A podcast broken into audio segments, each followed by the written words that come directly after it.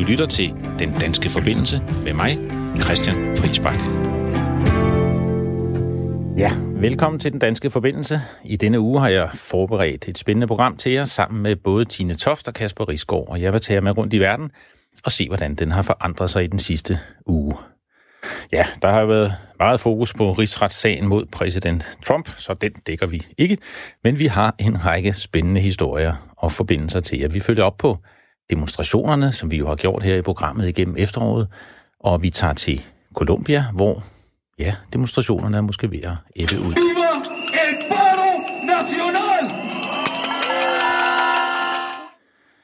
Men i Libanon, der bluser de til gengæld op.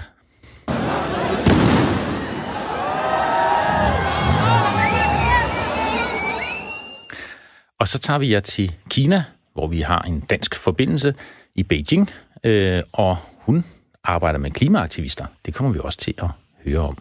Og så har vi en stribe rapporter. Vi kan godt lide rapporter her i programmet, så der er en stribe rapporter, som vi kigger lidt på undervejs. Og du er altid velkommen til at skrive til os på en sms 1424. I selve beskeden, der skriver du først R4, et mellemrum, og så din besked.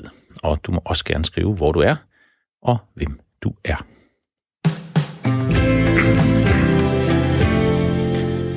Men vi starter i Libyen. Der brød urolighederne jo ud i 2011 efter det arabiske forår, og Muammar Gaddafi han blev slået ihjel, den tidligere diktator og premierminister. Og det har nu udviklet sig til en konflikt i hele landet, øh, hvor der på den ene side er en oprørsstyrke, der er ledet af general Khalifa Haftar. Han får støtte af Ægypten og de forenede emirater og Rusland og Saudi-Arabien. Og han har Europa det meste af landet. Øh, og så på den anden side, så er der den FN-godkendte regering øh, under ledelse af Fayez Sarraj, og han sidder i Tripoli. Han har fået støtte af en række vestlige lande, og nu får han også, det er det nye, direkte militærstøtte fra Tyrkiet. De har sendt både rådgivere, øh, soldater, udstyr øh, afsted. Og nede i det sydlige, for at det ikke skal være løgn, så er der så en række militser og stammer, der haver øh, og øh, skaber konflikt og kaos i den del af landet.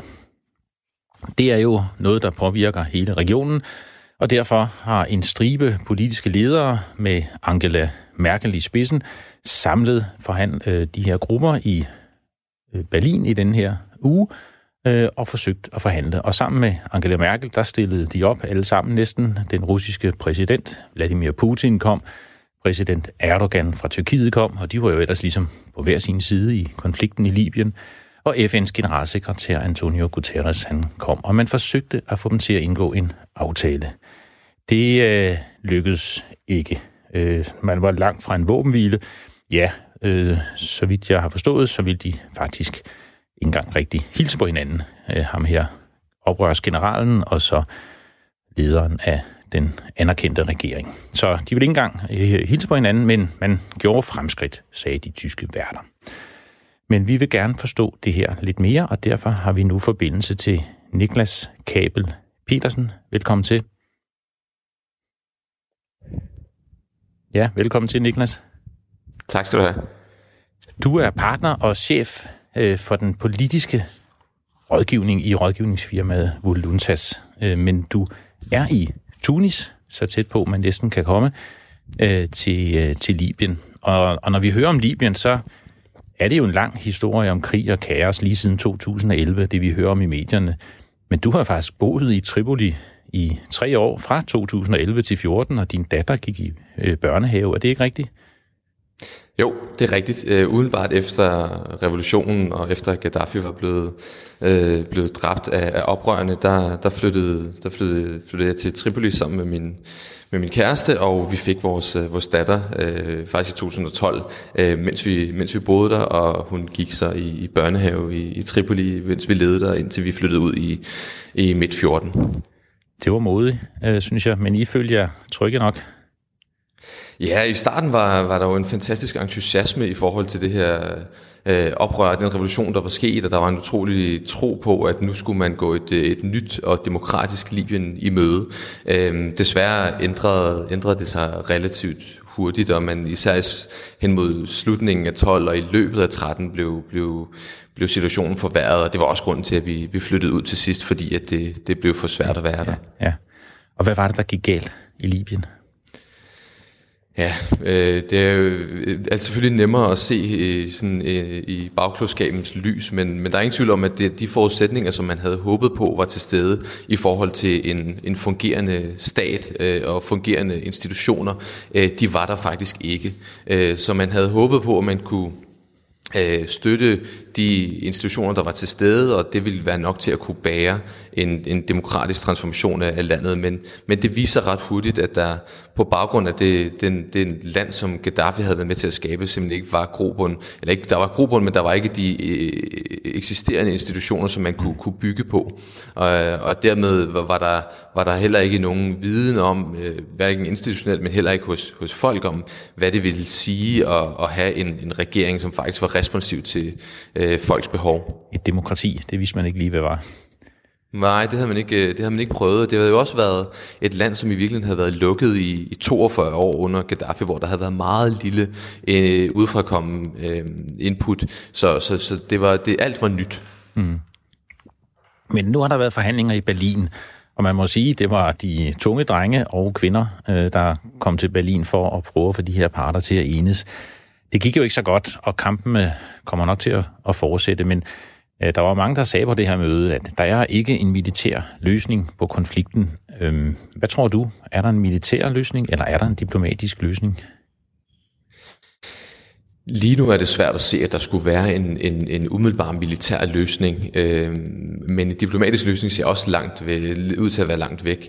Der, de forhandlinger, som fandt sted, og de diskussioner, som fandt sted i Berlin, øh, ledte jo i virkeligheden ikke rigtigt til, nogen, til, til noget. Øh, man blev enige om fra internationalt hold, at man øh, skal lade være med at blande sig så meget, men, men vi har allerede set øh, efter, og faktisk også mens forhandlingerne og diskussionen i Berlin fandt sted, at der var, at der var kampe igen og, og at mange af de lande, som mens de sad og, og snakkede i Berlin, øh, leverede både tropper og materiel til, til, til begge sider. Så lige nu virker det ikke til, at der fra internationalt hold er øh, villighed nok til at, at lade være med at blande sig til at få stoppet konflikten. Så, så den umiddelbare udsigt er, at, øh, at det kommer til at fortsætte et stykke tid endnu. Ja, og det var jo det, kan man sige, FN's udsending i Libyen, han sagde øh, til alle parterne, hold jer væk, hold jer ude af Libyen, øh, træk jeres tropper og støtte tilbage. Øh, fordi han jo så måske troede på, at så ville de løbe tør for krudt øh, og tør for tør i konflikten, og så kunne man få dem til forhandlingsbordet. Men er det en realistisk strategi, tror du? Øh, som det ser ud lige nu, så er det, øh, virker det ikke til at være en realistisk strategi. Det virker mm. til, at de øh, lande, som, som er indblandet, de er så tungt investeret, at det vil være for, for, for omkostningsrigt for dem at trække sig tilbage. Mm. Især lande som for eksempel de forenede arabiske emirater, men, men selvfølgelig også her på det seneste, Rusland og, og Tyrkiet. Der er, der er simpelthen for meget investeret til, at man, vil, man fuldstændig vil trække sig ud. Mm. Men du rejser jo stadigvæk ind. Siden du boede der dengang i tre år, så rejser du jo ind og ud i Libyen øh, meget ofte. Du var der også her sidst på efteråret. Hvordan var det så? Var det, var det en by i krig? Du var i Tripoli, ikke? Øh, jo, øh, jeg var i Tripoli her i, i slutningen af sidste år, og, øh, og har selvfølgelig, ja, som du siger, rejst ind og ud øh, siden øh, 2014 også. Der, det, Tripoli lige nu er ikke en by i krig i centrum af Tripoli, men der er kampe øh, hele vejen rundt om, om Tripoli, hvor at øh, Khalifa Haftar, som du, som du nævnte, prøver at, at komme ind og overtage Tripoli fra den internationalt anerkendte regering. Men, men der er ingen, heller ingen tvivl om, at selvom der måske ikke er krig i centrum af Tripoli, jamen så bærer byen utrolig stor præg af, at det, øh, at det er en krig eller en, en by i undtagelse. Øh, der er meget, meget, meget, meget svage sådan helt basale services. Der, der bliver ikke hentet affald, der er ikke elektricitet hele døgnet, der er ikke vand i alle steder i byen hele tiden, øh, fordi øh, at tingene ikke fungerer. Mm-hmm. Så det er, det, civilbefolkningen kan, kan i den grad mærke, øh, at der er konflikt. Ja. Og hvad med dig selv? Følte du dig trygt nok? Har du bevæbnede vagter, og, eller hvordan foregår det? Øh, vi har vagter, men vi har ikke bevæbnede vagter. Øh, fordi vi ikke rejser som diplomater, så har vi faktisk ikke lov til at have bevæbnede vagter. Men vi har, øh, vi har vagter, og vi har øh, kører i pansrede køretøjer, øh, mm. når det er nødvendigt. Øh, ja, så, så på den måde kan man godt mærke, at det er en, en, en, en situation, som jo ikke er som en, et hvert vestligt land. Det er det. Men din datter, hun er nu i Tunis. Nu er hun kommet i skole, tænker jeg.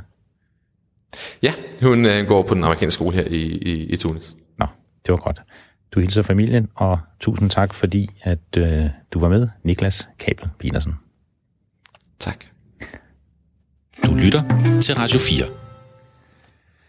I Kina bliver byer lukket ned, jernbaner lukket, panikken spreder sig. Det nye udbrud af coronavirusen breder sig hastigt. Tallene siger 1000 cirka inficerede, 26 er døde, og udbruddet, der startede i Wuhan, har bredt sig til ja, store dele af Kina. Der har været tilfælde nu i USA, i Thailand, Taiwan, Sydkorea, Japan, Vietnam, Singapore og senest øh, også en mistanke om to smittede i Finland, som kom fra Wuhan. Verdenssundhedsorganisationen WHO følger det tæt, men de siger, det er endnu ikke en international nødsituation. Men det er alvorligt nok i Kina og i stigende grad i nabolandene. Men for at finde ud af, hvordan reagerer man i Kina, så ringede jeg til Amalie Klitgaard. Hun er opvokset i Silkeborg, hun er 25 år, hun studerer en master, altså en kandidatgrad i Beijing, øh, hvor hun undersøger unge kinesiske klimaaktivister. Det vender jeg tilbage til til sidst, men jeg spurgte hende først om, om hun også gik rundt med en af de her masker. Det gør jeg naturligvis. Øh, det har jeg faktisk gjort, siden jeg kunne høre om, at, øh, at Wuhan-virusen, coronavirusen, begyndte at sprede sig øh, fra i søndags af. Øh, dengang var der ikke så mange andre, der gik rundt med viruser. Nej, ikke med viruser, men med masker. Øh, og, øh, men det, det er der mange flere, der gør nu, ja. øh, kan jeg se i gadebilledet. Ja. ja, for det er nede i Wuhan længere sydpå, men der er jo allerede øh, nogle tilfælde i, øh, i Beijing, øh, sådan omkring en 20 stykker, der er registreret. Er du nervøs for, at det skal, det skal ramme dig? Jeg må være at sige, at øh, da jeg vågnede op, øh, da jeg vågnede tidligere i dag, der var jeg ikke nervøs, men som timerne er gået, så er jeg blevet mere og mere nervøs. Øh, især fordi jeg kan høre fra mine kinesiske venner, at, at de er nervøse, og flere er begyndt at skrive til mig og sige, at hvis jeg har brug for hjælp, så skal jeg bare kontakte dem. Så jeg har faktisk været nede og købe vand og, og mad, til at jeg i hvert fald kan blive inden døre i en tre dage ja. øh, i tilfælde af, at det nu bliver værre. Ja. Og hvad, hvad siger dine venner ellers? Hvad, hvordan stoler de på myndighederne, at de føler, at de, de er trygge, eller er der sådan lidt en panikstemning, øh, der er ved at brede sig? Altså, der er en panikstemning, der er ved at brede sig. Øh, jeg ved ikke, om det har noget at gøre med, om de stoler på myndighederne eller ej.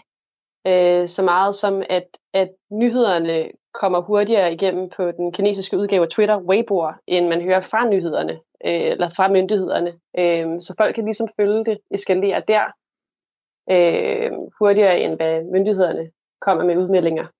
Ja. Og hvad kommer, er det på statsfjernsyn, eller hvad sidder man og kigger på, hvis man skal følge myndighederne? Er det, er, er det radioen, eller hvor, hvor er der sådan et varselssystem? Altså, altså nu er de fleste, som jeg, jeg har noget at gøre med, det er jo unge, unge kinesere i alderen 15 øh, til, til, til 35, Øh, og de følger med på, på Weibo, øh, som er den kinesiske udgave af Twitter, og så følger de med på WeChat, som er sådan en form for Instagram og Facebook øh, samlet i en app. Ja. Øh, og det er der, man følger med. Og det er det, du siger, at der kommer informationen hurtigere, og så kommer myndighederne halsende bagefter med, med deres information.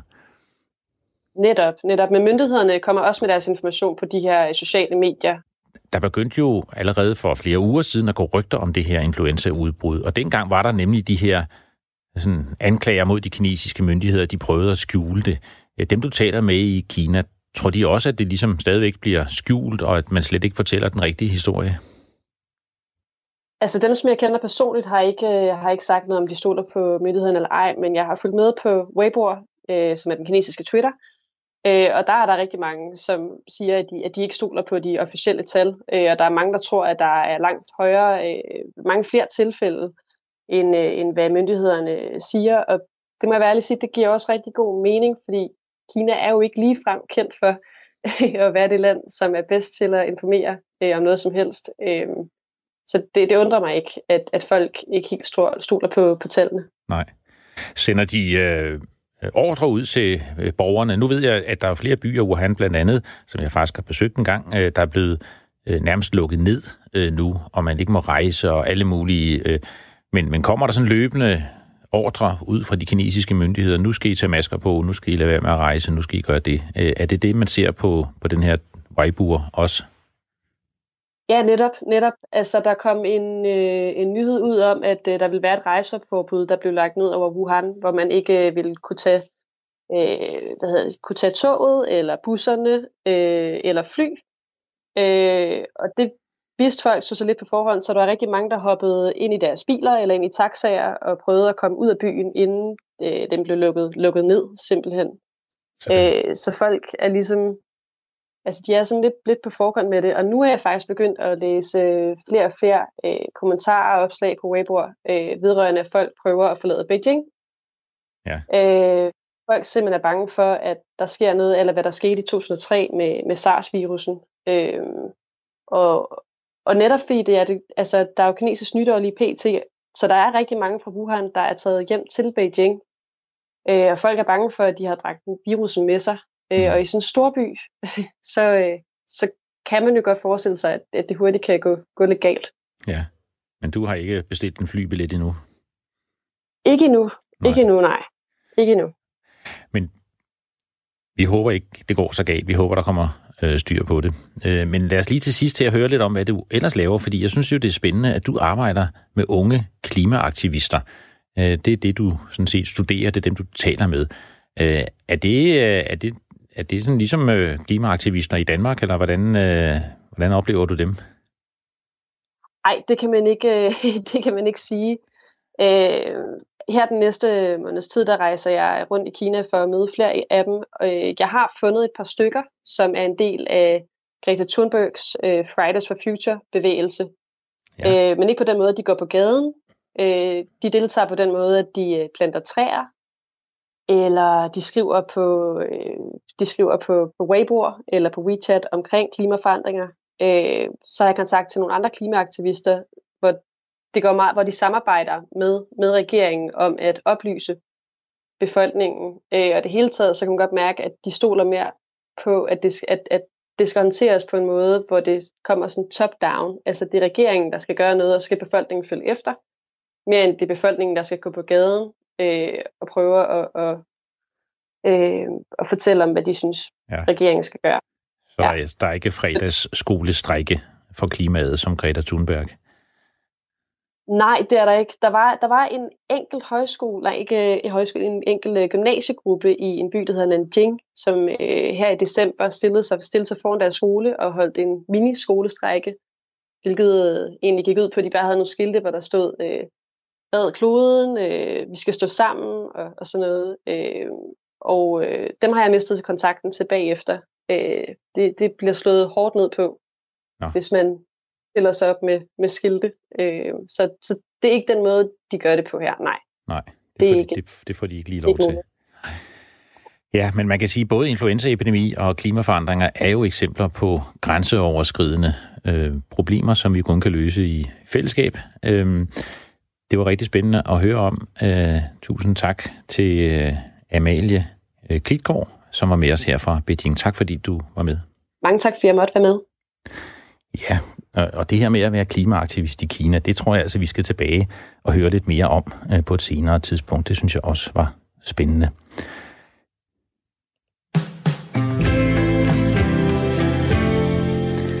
Ja, men med mig i studiet har jeg nu min kommende producer, jeg får en ny. Anna Rigas, velkommen. Tak. Øh, og Anna, hun... Øh... Går jeg igennem nu? Ja, nu går jeg igennem. Jeg, ja, Hej Christian. Ej, det var en dårlig start. Det var en dårlig start. Jamen, sådan skal det være.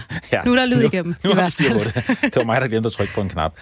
Nu er den der. Men det er rigtig godt at have dig, og, og du er jo lidt gæste, øh, vær, eller gæstevært her i dag.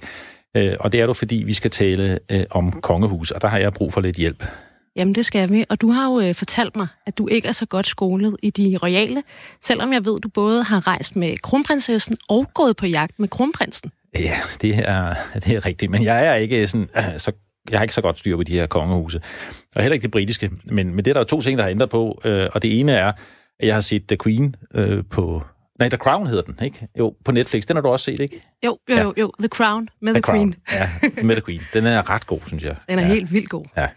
Og det andet, der har fået mig til at få øjnene op for det her kongehus, det er selvfølgelig alt det her Mexit, vi lige har set, hvor den britiske prins Harry og hans kone Meghan, de nu er exitet. Øh, de har ligesom forladt den royale indercirkel, kan jeg forstå, ikke? Og de har øh, forladt firmaet. De har forladt firmaet lidt. Det var også ikke helt med deres gode vilje, som prins Harry han siger det her. The decision that I have made for my wife and I to step back is not one I made lightly. It was so many months of talks after so many years of challenges. And I know I haven't always gotten it right, but as far as this goes, there really was no other option. Ja, det har jo været forsidestof i uvis, det her, øh, både i de britiske og i dele af den danske presse. Og øh, Christian, øh, jeg har jo, øh, har jo noget at afsløre allerede her øh, i min første gang i studiet, at jeg er total skabsreal. Jeg elsker øh, at følge med i øh, kongehusene rundt omkring i, øh, i verden. Øh, men du er lidt mere forskeragtig, når det kommer til kongehusene, og har set på monarkierne i verden. Ja, for jeg tænkte, øh, med alt det her ballade, så kom jeg til at tænke på, at der var en artikel i The Economist, som spurgte det her spørgsmål, hvordan i alverden øh, kan monarkier som det britiske overleve i sådan en moderne verden, som øh, vi har. Øh, og som de skriver, ingen ville opfinde monarkiet, hvis vi skulle starte forfra, for det er jo i sin sagens natur øh, udemokratisk, ulige, umoderne, at have et system, der baserer sig på slægtskab og ikke på kundskab eller, eller på lederskab. Men, men det, der er det interessante, det er, at monarkierne, de overlever. Øh, og de har været faktisk meget konstant over de sidste 30-40 år. Øh, og det kan man se i den øh, statistik, som øh, Economist også har lavet fra, fra 1920 cirka. Øh, det var dengang Portugal blev en republik til 1980. Der røg der en stribe øh, monarker fra den iranske revolution og, og kommunistiske revolutioner og afkoloniseringen i Afrika og Asien. Der var der selvfølgelig mange lande, der skiftede til at være republikker i stedet for at have, have monarker. Øh, men, men der er så der fra cirka 1980, så endte det med, at der var cirka 40 monarkier tilbage. Men der er kun 26 monarker, og det er jo fordi Queen Elizabeth her, som vi lige har talt lidt om, hun er jo, hun er jo dronning for ikke mindre end 16 lande i Commonwealth. Så der er de der godt 40 lande, men der er kun øh, 26 monarker. Øh, og, og det er jo ikke alle, der er konger og dronninger. Der er jo en kejser i Japan, der er en sultan i Oman, der er en emir i Katar, der er en stor hertug i Luxembourg, og så og det tæller man faktisk også med, har jeg forstået. Så er der en pave øh, i Vatikanstaten. Han øh, er åbenbart også monark, selvom han jo bliver valgt på den her lidt specielle måde med, med hvid røg og alt det her. Øh, Japan er det ældste monarki, og så kommer Kambodja og Oman. Det synes jeg faktisk er meget interessant. Og, og Danmark er først på, på syvende pladsen. Så selvom at det jo sådan generelt går meget godt for de kongelige, så er der også røget et par konger her for nyligt? Ja, altså i det her øh, årtusind, der er der røget øh, to. Øh, og den ene var i Samoa. Øh, han døde simpelthen. Altså, så var der ligesom ikke flere. Nå, øh, så de har ikke en konge mere. Øh, og så i Nepal, øh, hvor stort set hele kongefamilien, det fulgte jeg faktisk nogenlunde til, de blev dræbt af en prins, der var fuld af på stoffer, øh, i bogstaveligt forstand. Der skød han næsten hele kongefamilien. Øh, og så røg resten, øh, efter krav fra demonstranter og fra maoister, som ligesom overtog magten i, i, i Nepal. Men resten, de hænger på, øh, også på trods af turbulens og skandaler. Og der er endda, altså i lande som Irak og Rumænien, har der været dem, der vil have kongerne tilbage. Og det er jo også det, Economist ser på, hvorfor i alverden kan de overleve. Og de siger, øh, der er flere ting. Øh, det ene er, at de fleste kongehus, de bestemmer ikke rigtig noget mere. Øh, og, og så siger man, hvorfor bøvle med at afskaffe noget, som alligevel ikke øh, gør nogen stor politisk øh, forskel. Øh, det andet er, at de monarkier, der er tilbage, de er ret rige. Altså, de er ret velkonsolideret. Ikke? Det betyder også noget. Ikke? Der var jo kongehus, der var ved at gå for lidt, og så tænkte folk til sidst, nej, farvel med jer. Øh, men, men dem her, vi har tilbage, de er rimelig rige. Og den tredje grund, det siger Economist i den her artikel fra sidste år, øh, det er, at øh, man har jo den her nationalistiske, de her strømninger, man har meget store politiske skæld. Altså, det er ligesom om, der bliver større og større uenighed i de politiske systemer og utilfredshed med politikere. Og så er det, så kommer konger og dronninger lige pludselig til at se sådan relativt godt ud øh, i sammenligning. Øhm, som øh, Queen Elizabeth, hun havde en, en, en hof, øh, en af hendes hoffolk, han sagde det engang, øh, politik, det er det, der deler os, monarkier, det er det, der samler os. Øh, ja, det gælder så ikke øh, alle øh, steder, men det gælder dog nogle steder. Altså i Spanien, der er de ret trætte af deres kongehus. Der var noget med, at kongen han skød elefanter. Der var øh, forskellige andre ting, øh, der gik galt der. Øh, den nye konge i Thailand, han er altså heller ikke helt øh, normal, vil jeg bare sige. Han har haft nogle udskejelser. Og kronprinsen i øh, Saudi-Arabien, han har jo fået mange skrammer, øh, både af krigen i Yemen, mordet på journalisten Jamal Khashoggi i Tyrkiet, og, og i den her uge, der er han faktisk blevet beskyldt for at stå bag en aflytning af ham, der ejer Amazon, øh, Jeff Bezos, øh, multimilliardær. Øh, de havde en telefonsamtale, og så lige pludselig blev ham der Bezos aflyttet. Øh, og så har der nogen, der har sagt, at Nå, det var nok ham der, kronprinsen, der, der gjorde det, men, men det har hans talsmand så svaret på og, og sagt, at det var dog en fjollet øh, Der havde an, han et anklage. Øh, forklaringsproblem. ja, men det, der er vist ikke rigtig noget på storyen. Men det, det nå. Men altså, skandaler eller ej, i Storbritannien, der bakker de op. Tre fjerdedel bakker op om huset, og dronningen Mexit eller ej, prinser forgår, monarkier består. Så det gælder i særdeleshed det britiske. Og inden vi lige forlader øh, den reelle historie, så teaser du lidt lige i starten, for at du har været på jagt med kronprinsen. Kan du ikke lige løfte sløret for, hvordan det gik, og om du skød noget? ja, tre gange har jeg været på jagt med kronprinsen, tror jeg. De første to gange skød jeg ingenting. Den anden gang, sidste gang skød jeg en kronhind, så det var jo meget fint. Stærkt. Men jeg vil sige, til gengæld, så er kronprinsen, han er altså en utrolig god vært, øh, når man er til jagt. Altså, han er meget opmærksom. Og han holder hele tiden øje med, om alle får chancen. Ej, har du skudt noget? Er det gået godt? Har du haft en god dag? Virkelig det kan du, du kan anbefale at tage på jagt med kronprinsen. Ja, den ros, den skal han have. Nu skal vi til Colombia.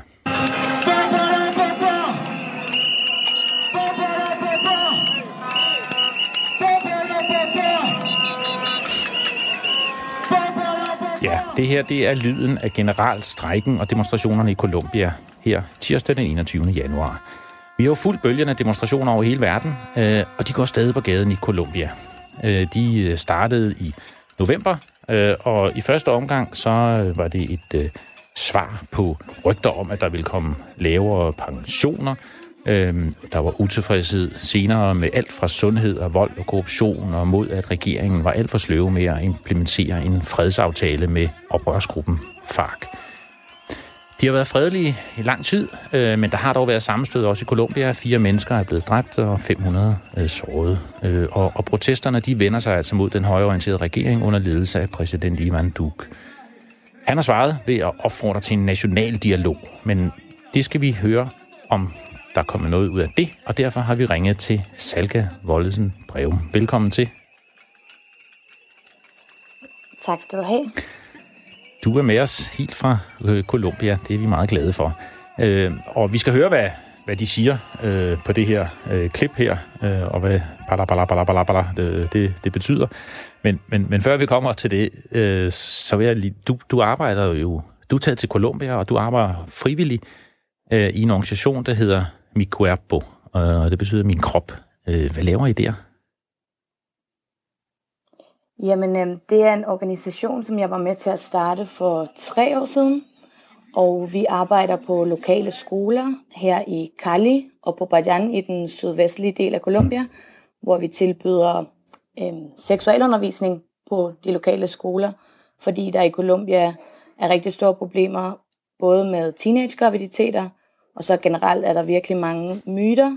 Så øh, vi arbejder for at informere de unge, sådan så de kan leve en mere sikker seksualitet og tage nogle informerede valg omkring deres seksualitet. Ja, det synes jeg altså er flot, at I gør det, og I knokler rundt på skolerne og gør det frivilligt. Jeg håber, I, øh, I får endnu mere gang øh, i det. Men, øh, men nu skulle du lige fortælle os om det her, om, om det her lydklip. Øh, eller hvad er det, han råber? Hvad, hvad, hvad sker der? Hvad siger han?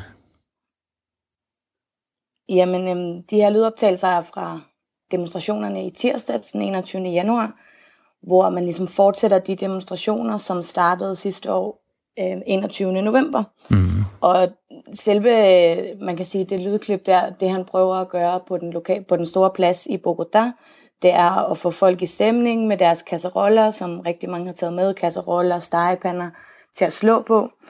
Øhm, og de har ligesom samlet folk der for at samle op på demonstrationerne og starte op igen i år. Ja. Og du var med? Jeg var med ind på pladsen. Øhm, jeg var med ind for at høre, hvordan det stod til. Og øhm, der var desværre ikke lige så mange mennesker, som der var sidste år. men der var en del studerende, der var fagforeningsfolk, øhm, og der var mange, som ligesom, dem der kom i hvert fald, havde, øh, havde meget øh, lyst til, at det skulle fortsætte, specielt fordi denne her samtale, som regeringen har, har indkaldt til, ikke rigtig er kommet ud med noget som helst. Der er blevet samlet en masse forslag sammen. Der er kommet over 10.000 forslag, hvis ikke jeg husker helt forkert. Men regeringen har ikke rigtig samlet op på noget.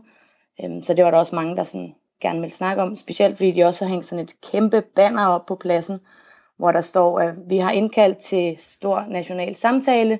Lad os tale sammen. Ja. Men der sker ikke rigtig så meget. Men man føler, det er lidt sådan en envejs ting. Alle de der 10.000 forslag bliver sendt, men der er ikke rigtig nogen, der lytter efter. Det er det, demonstranterne føler. Lige præcis. Du har sendt os øh, noget fra en tale, der også blev holdt på pladsen. Lad os høre lidt af den.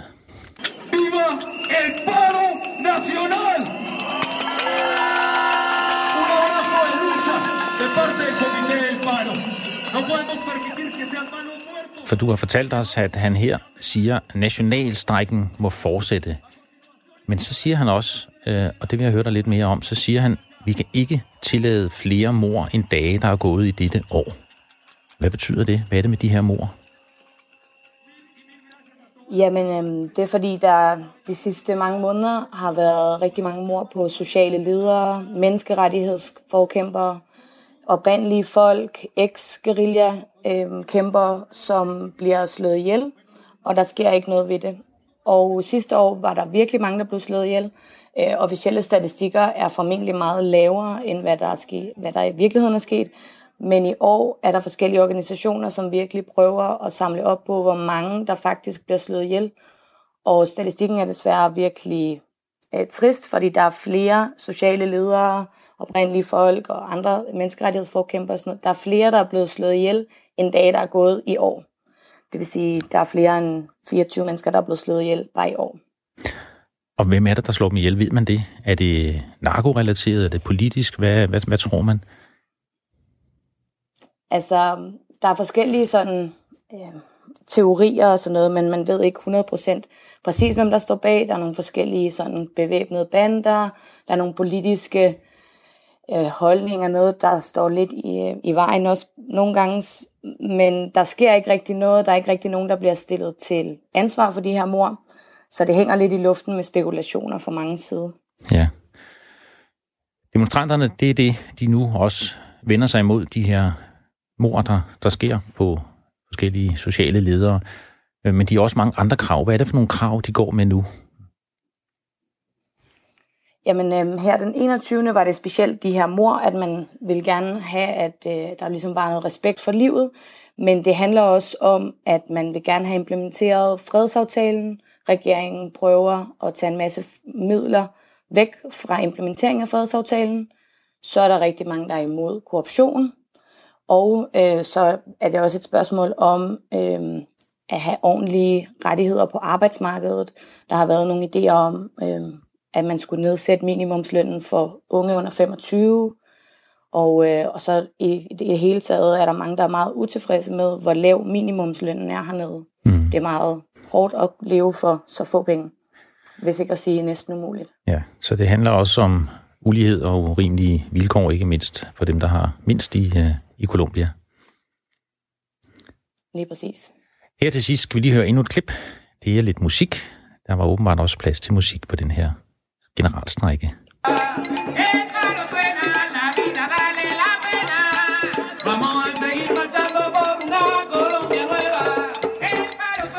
Og hvad synger de, Salka? Jamen altså, de synger, at livet er værd at leve. Vi kæmper for et nyt Colombia. Og de har taget ligesom øh, musikken fra nogle traditionelle cumbia-rytmer, som er traditionel musik hernede i Colombia. Så dem, der ligesom stod for strækken, havde samlet nogle forskellige bands, og så indimellem prøvede de også at få folk lidt i stemning ved de her små indslag, som det vi lige har hørt. Ja, livet er værd at leve. Det var da en fin afslutning. Tak til dig, Salka Breum fra Colombia. Tusind tak, fordi jeg måtte være med. Du er velkommen.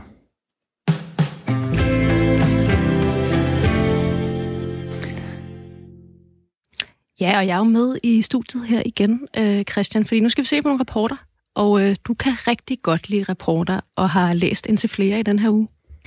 Ja, og det er jo fordi, det er total højsæson for rapporter, så jeg har øh, næsten ikke kunne vælge, hvad vi skulle øh, læse og lytte øh, og høre om i den her uge. Men det er fordi, der har jo været verdens økonomiske topmøde, det her årlige kom sammen, hvor de står på ski oppe i Davos, øh, og så snakker de politik øh, i pauserne, eller også det omvendt.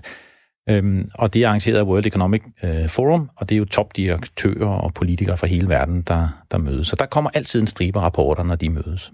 Og øh, den ene rapport, den var om ulighed. Ja, og den kommer hver over nu. Det er Oxfam, den internationale udviklingsorganisation, der laver den. Øh, og de dokumenterer, hvordan, og det er faktisk meget, altså, det, må man sige, øh, markant læsning. Øh, de dokumenterer, hvordan uligheden den stiger og stiger.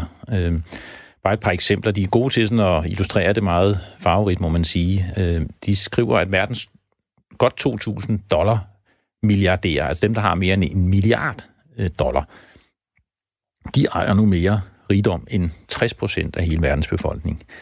Og, og som de skriver, en milliard dollars, det er altså rigtig mange penge. Og de har sådan et eksempel. Hvis man nu startede dengang Jesus blev født, øh, og man så begyndte at spare øh, over eller 5.000 kroner op hver eneste dag, og man startede dengang Jesus blev født, ja, så var man kun nået halvvejs i dag øh, til dollar øh, milliarden.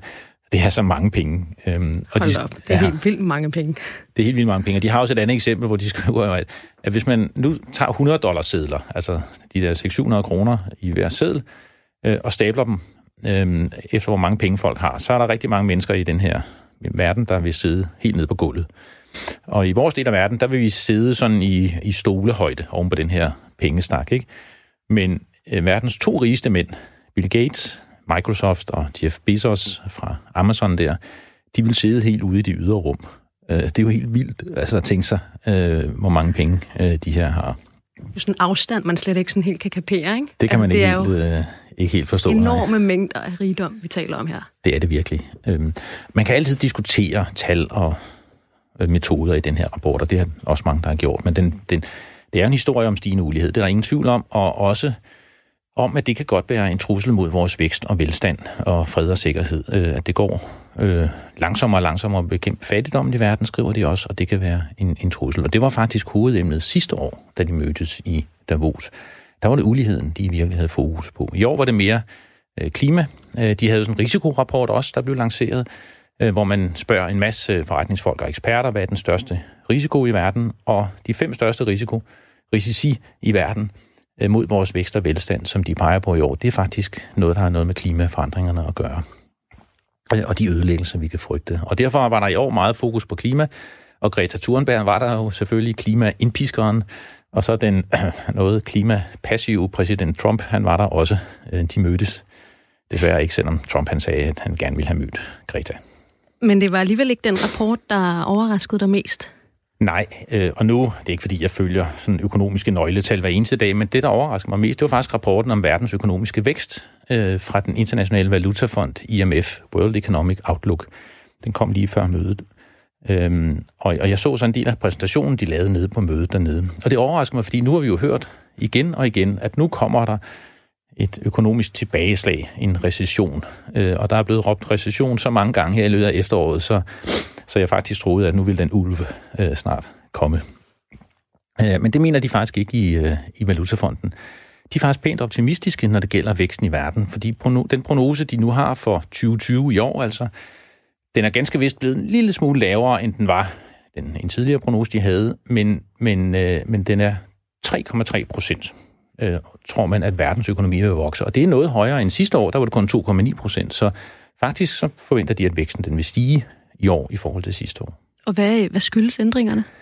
Ja, den lille tilbagegang, det skyldes, at øh, i, hvor optimistiske det er, det skyldes, at der er lidt lavere vækst i Indien, der er sociale uroligheder i en række lande. Vi hører jo om demonstrationerne i Hongkong og Mellemøsten og Latinamerika, som vi lige har hørt om. Øh, og det fører tilbage til uligheden, fordi det er jo grunden til, at mange går på gaden. Øh, så her kan man sige, at uligheden kommer til at, at, at måske at være med til at drive nogle af de her sociale uroligheder, som så giver lavere vækst.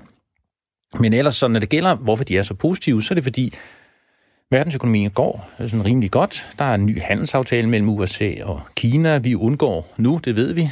De forlader jo øh, EU i næste uge, britterne, men de kommer ikke til at, ligesom at tumle ud øh, uden en aftale. Det frygtede man jo på et tidspunkt. De kommer stadigvæk til at tumle ud, men nu bliver det med en aftale. Og så er der positive tegn, når det gælder produktion og pengepolitik og alle mulige tekniske ting. Så, så selvom de har nedjusteret væksten en lille smule, øh, så skriver de altså, at øh, de er faktisk mere optimistiske nu, end, end de var øh, tidligere. Så det er da en god nyhed. Bestemt, bestemt. Og, dem skal vi også huske at have med. Dem skal vi have med. Og det er jo ikke, fordi der ikke er risici. Det skriver de også. Altså, der er jo den sociale utilfredshed, klimaforandringerne. Vi skal gøre mere ved klimapolitik og skattepolitik, og vi skal samarbejde mere, skriver de øh, ikke mindst. Og øh, så fortalte du egentlig også, at hende, der fremlagde rapporten, det, er, det var en af dine gode venner. Ja, det er hende, der er chef for IMF i dag, Kristalina Georgieva. Og hende arbejdede meget tæt sammen med det minister, og jeg er kæmpe fan af hende. Hun er den sejeste øh, ledere, synes jeg, øh, vi har i verden. Og, og, og hun fremlagde den, og det lyttede jeg til. og hun var som også altså optimist, men hun sagde også, at hun var bekymret. Øh, hun er 66 år, hun har levet, hun er født i Bulgarien, opvokset i Bulgarien. Hun har jo oplevet Europa efter 2. verdenskrig meget tæt, øh, og hun er bekymret. Øh, hun siger, at vi har mange ligheder, eller sagde hun i præsentationen, med 20'ernes Europa, høj ulighed, høje øh, gevinster, altså de her folk, der bliver ekstremt rige, og meget usikkerhed, og det er bekymrende. Og så sagde hun, for at bryde med den, det, der skete i 20'erne, så skal vi huske at gøre én ting, og det er at samarbejde mere. Og så citerede hun bogen Anna Karenina af den russiske forfatter Leo Tolstoy. Øh, og i den bog, der brugte hun et citat, alt det smukke i verden er skabt af lys og skygge. Og så tilføjede hun, at for at få mindre skygge, så skal vi sørge for, at der kommer mere lys.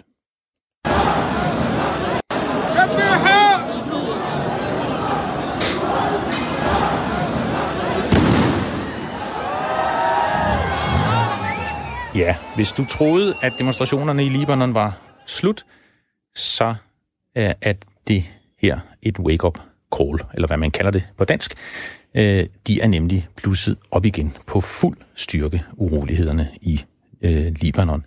Den tidligere premierminister Said Hariri, han trådte ellers tilbage, og så kom der en ny, Hassan Diab. Han er ingeniør og tidligere undervisningsminister. Han har ikke helt kunne lave en ordentlig regering, og det har i hvert fald ikke fået protesterne til at stoppe. Tværtimod, vreden den stiger. Det har jo tidligere været fredelige demonstrationer, det har vi dækket her også, men nu er de faktisk blevet mere voldelige. Der er over 100, der er blevet såret, og der er oprørspoliti og vandkanoner, tårgas og gummikugler, øh, og på billederne ligner Beirut nærmest en kampzone. De startede med at protestere mod prisstigninger på WhatsApp, men nu er det også modstand mod korruption og den øh, elitære og sekteriske regering, som demonstranterne øh, siger det. Nu kan vi sige velkommen til Nils Bastian Eckert. Velkommen til. Tak. Du er med os fra Beirut, øh, hvor du studerer på øh, Lebanese American University. Hvad er det egentlig, du studerer? Jeg læser statskundskab, helt præcis uh, International Affairs, mens jeg er her. Internationalt, godt. Det kan vi jo øh, bruge til noget. Og det er jo dig, der har, har fortalt os, at, at de her demonstrationer, eller har sendt os de her klip fra demonstrationerne, og, og sendt os de videoer, øh, hvor vi hører de her ting. Og lad os lige høre øh, lidt mere lyd, hvor man ser en masse, fra den, en af de videoer, du har sendt os, hvor man ser en masse unge mænd, der, der demonstrerer.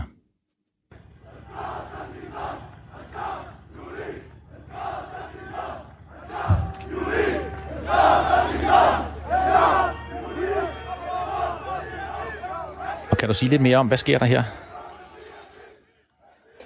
Ja, det er fra sidste weekend, hvor at, øh, demonstrationerne de foregår ude foran parlamentet. Eller det, det er ikke helt ude foran parlamentet, fordi at øh, politiet har spærret, spærret af ind til parlamentet med pigtråd, og her de sidste par dage har de stillet sådan en betonhegn op. Så det foregår et par hundrede meter fra parlamentet. Men det er unge mænd, der er rigtig vrede. Og mit arabisk er ret begrænset, så jeg ved ikke helt, hvad det er, de, øh, det, hvad de råber eller synger. Mm. Men jeg kan genkende et ord, og det er thavra, som jeg har lært her. Øh, og det betyder revolution, og det hører man over alt. Det hører man, når man tager taxa, det hører man, når jeg er på mit universitet. Og det råber de igen og igen. Det er simpelthen, en, at de vil have en revolution. Ja, for de er ikke tilfredse med, at, at premierministeren gik af. De, et af slagordene er jo også det her med, alle betyder alle, øh, eller noget i den stil øh, oversat, mener, at de vil af med alle i regeringen. Øh, det har sådan været et af de slagord, de har brugt. Er det ikke rigtigt? Jo, det er nemlig rigtigt. Og øh, de fik så en ny regering her tirsdag aften. Øh, de har krævet, at den skulle være øh, baseret udelukkende på teknokrater, altså folk, der var øh, politisk uafhængige. Og det har, øh, det har de som du nævnte før, øh, deres premierminister, det har han forsøgt sig med, men de er ikke tilfredse. De, er stadig, de mener ikke, de er politisk uafhængige på nogen måde, øh, tværtimod. Og derfor øh, det øjeblik, at øh, den nye regering blev offentliggjort tirsdag, der stormede folk øh, til parlamentet igen for at demonstrere. Og ja. der er samtidig også øh, arrangeret store demonstrationer her i morgen lørdag. Ja. Lad os lige høre et lille klip til fra noget af det, du har sendt os.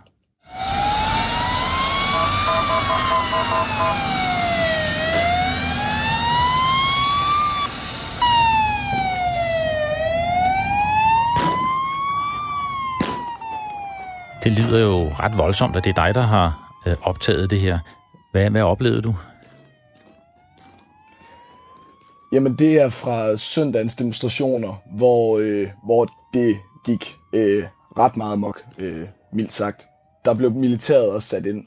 Øhm, og det her, det, det er sent på aftenen, hvor de fleste øh, øh, demonstranter er sådan spredt øh, på grund af den tårgas og politiet, der blev sat ind. Men jeg, der var en lille gruppe på en 200 unge, unge drenge, unge mænd, som blev ved med øh, ihærdigt at kaste øh, fyrværkerien og sten efter politiet øh, og militæret. Og jeg nåede lige undre mig over et øjeblik, hvorfor de ikke gjorde noget ved det, politiet. De blev ved med at stå bag deres skjolde, indtil der så kommer armerede køretøjer, kørende midt ind i de her, øh, midt ind i gruppen af de 200 drenge, og så hopper der sådan nogen, der ligner noget specialstyrker eller lignende ud, og begynder at skyde øh, gummikugler mod folk. Øh, og den her weekend, der var der også øh, omkring 450 demonstranter, der blev såret, så det gik, det gik voldsomt for sig. Ja, og du står lige ved siden af. Du må altså mm, passe på dig selv øh, dernede. Var du ikke bange?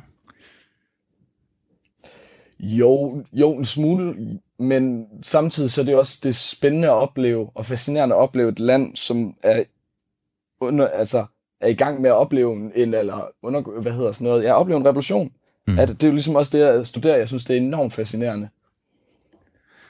Du må passe på dig selv. Øh, men, men hvad er det, de siger, de demonstrerer for? Nu har vi jo hørt det her med, at de vil have hele regeringen væk, men er der ellers sådan nogle konkrete krav, de har? Altså, det starter med det her WhatsApp, men, men hvad er, er der sådan...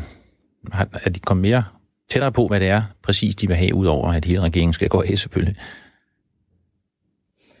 Jamen, problemet er, eller jeg ved ikke, om det er et problem, men de har nogle forskellige krav, men, men det er ikke, fordi de har en frontfigur for de her demonstrationer, så øh, der er, der er forskellige krav, men jeg, helt konkret, så er det, så handler det om, at de er træt af, at der er strømsvigt så mange gange om dagen. Normalt er der øh, strømafbrydelser tre timer i Beirut om dagen. Det er det normale. Øh, allerede det er jo sådan lidt, lidt skørt.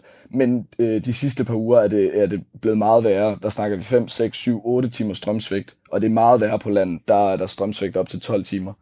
Øh, de, løb, øh, de løb tør for benzin for nogle uger siden, og de stadigvæk har ikke særlig meget benzin. Så det er nogle krav om, at de her helt basale nødvendigheder, sådan basal infrastruktur, ligesom bliver, kommer i orden igen. Ja, og, så, og medicin er der heller ikke meget af, kan jeg forstå. Øhm, internettet øh, ser ud til at være lidt skrøbeligt. Øh, og så har de angrebet bankerne, og det er noget med valutaen. Den har ændret sig meget. Ja, præcis. Øh, der har, valutaen er, øh, værdien af deres øh, lira, som den hedder, er faldet helt markant.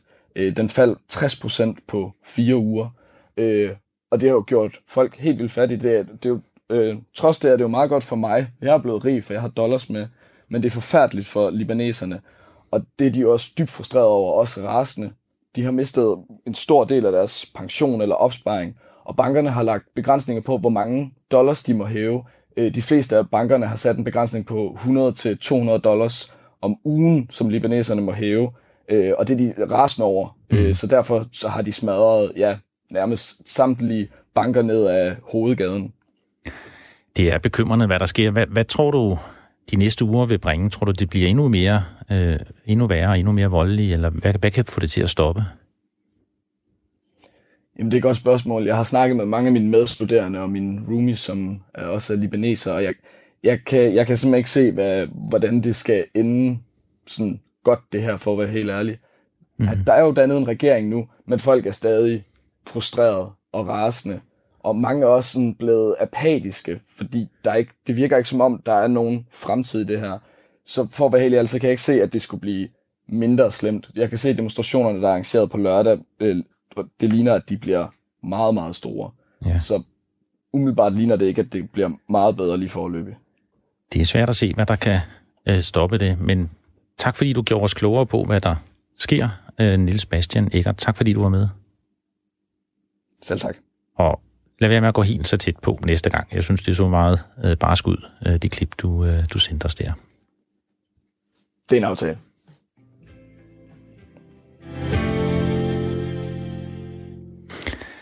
Ja, der har også været en endnu en rapport. Nu sniger jeg lige en til. Øh, en, Anna.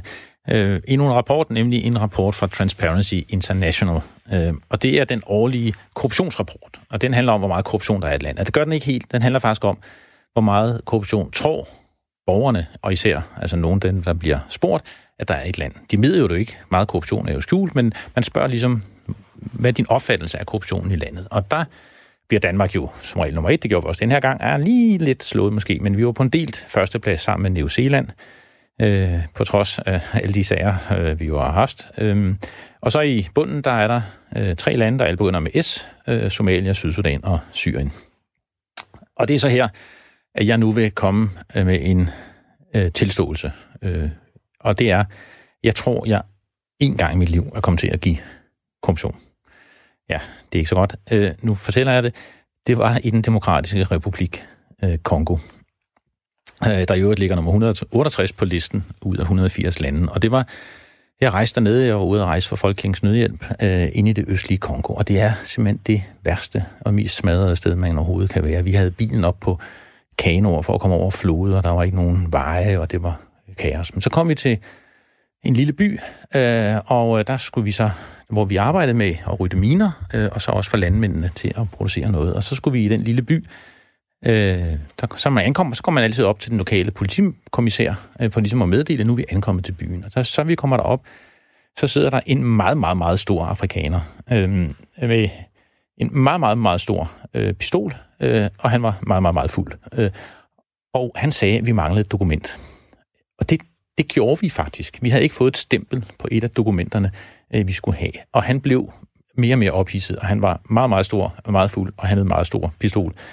Og så spurgte jeg, hvad koster det, det her dokument, om at få det stempel? Om det kostede så 50 dollar. Øh, og så gav han mig et stempel, og så gav jeg ham 50 dollar. Og det har jeg da stadigvæk skidt med. Altså, det kostede noget. Jeg ved ikke, om det var 50 dollar, det fandt jeg aldrig ud af. Jeg prøvede at finde ud af det, men det kostede noget. Men, men det var, og min lokale medarbejder, som var med, han var meget, meget beklemt ved det hele, fordi det var en meget ubehagelig øh, situation. Slukkede du for mig igen? Ja. det har forfulgt dig lige siden. Det har forfulgt mig lidt. Så nu går du øh, endelig til bekendelse. Ja, og fordi det her med, altså man skal ikke give folk en lille finger. Det lærte jeg så i en anden by, der var vi faktisk også inde, og der havde jeg møde med nogle lokale, og det handlede om en eller anden hushjælp, som, som åbenbart kun havde fået betalt en busbillet en gang. Og vi sad på en søndag i halvanden time og diskuterede den her busbillet, og jeg var helt paf. Jeg tænkte, hvad går det ud på det her? Og det fandt jeg så ud af, at vi forlod lokalet, kommer ud, så siger de her, jeg sidder med, ja, nu vil de så gerne have nogle penge. Øh, så sagde jeg, øh, det, øh, det kan I jo ikke få. Og så holdt jeg min store antikorruptionstale, øh, og de fik ikke nogen penge. Og så spurgte jeg mine lokale medarbejdere bagefter, fordi jeg tænkte, hvad sker der for dem? Øh, og så spurgte jeg dem, skulle jeg have givet dem noget penge? Og så sagde de, nej, hvis du havde givet dem så meget som en krone, så havde de taget hele armen. Øh, og så, så der lykkedes det for mig med min antikorruptionstale. Men det er jo svært i et land som Kongo, fordi de har været igennem, prøv at tænke på det, altså hundredvis af år med slaveri og kolonitid og undertrykkelse af belgier og franskmænd og Mobutu Sese Seko, den mest korrupte præsident. Han ravede til sig i alle de år, han var der. Så de har jo været igennem en forfærdelig øh, historie. Ja, og nogle gange skal man jo også se på det store billede, og så kan der være nogle konkrete situationer, hvor man simpelthen bare er nødt til at skulle komme videre, ikke? Og så må man kæmpe på den, ja, men man skal ikke, på den høje klinge. Jo, men man skal bare sige nej. Øh, men, ja, ja, men, men man, skal godt forstå, man skal altid sige nej til korruption. Ja, men man kan godt forstå, at de spørger, fordi altså, man siger, at der er en artikel 15 i grundloven, den eksisterer ikke, og den artikel, den hedder, tænk på dig selv. Alt, hvad de har været igennem, alle, der har prøvet at gøre noget, de har måske blevet smidt i fængsel eller skudt, eller de har kun oplevet elendigt, og derfor tænker folk på deres egen familie. Det skal man jo også forstå, men man skal sige nej, øh, fordi ellers så går det galt. Det var antikorruptionsrapporten øh, fra Transparency, og det var alt for den danske forbindelse i dag. Tak fordi du lyttede med. Du kan finde os på podcast, du kan finde os på hjemmesiden, og du kan finde os på Spotify og alle mulige steder, hvor man kan lytte til podcasts. Jeg vil gerne sige tak til min normale tilrettelægger, Tine Toft. Hun er i Bruxelles og laver Lobbyland, et andet af vores gode programmer. øh, men har alligevel hjulpet. Og tak til Kasper Risgaard, som har hjulpet med at afvikle, og til Anna Rigas, øh, som var med her i studiet. Her i ugen, der efterlyste vi faktisk kilder fra lige i forbindelse med, at vi gerne ville bringe noget om Libyen, øh, og det har vi jo gjort, om Ali, og det fik det til at strømme ind med e-mails med gode idéer til danske forbindelser derude. Mange tak for det. Vi er rigtig glade for det, og I må gerne skrive til os, den danske forbindelse, snabelag radio4.dk med tips og idéer øh, og ris og ros. Tusind tak for det. Det var den danske forbindelse på Radio 4, og nu kommer nyhederne.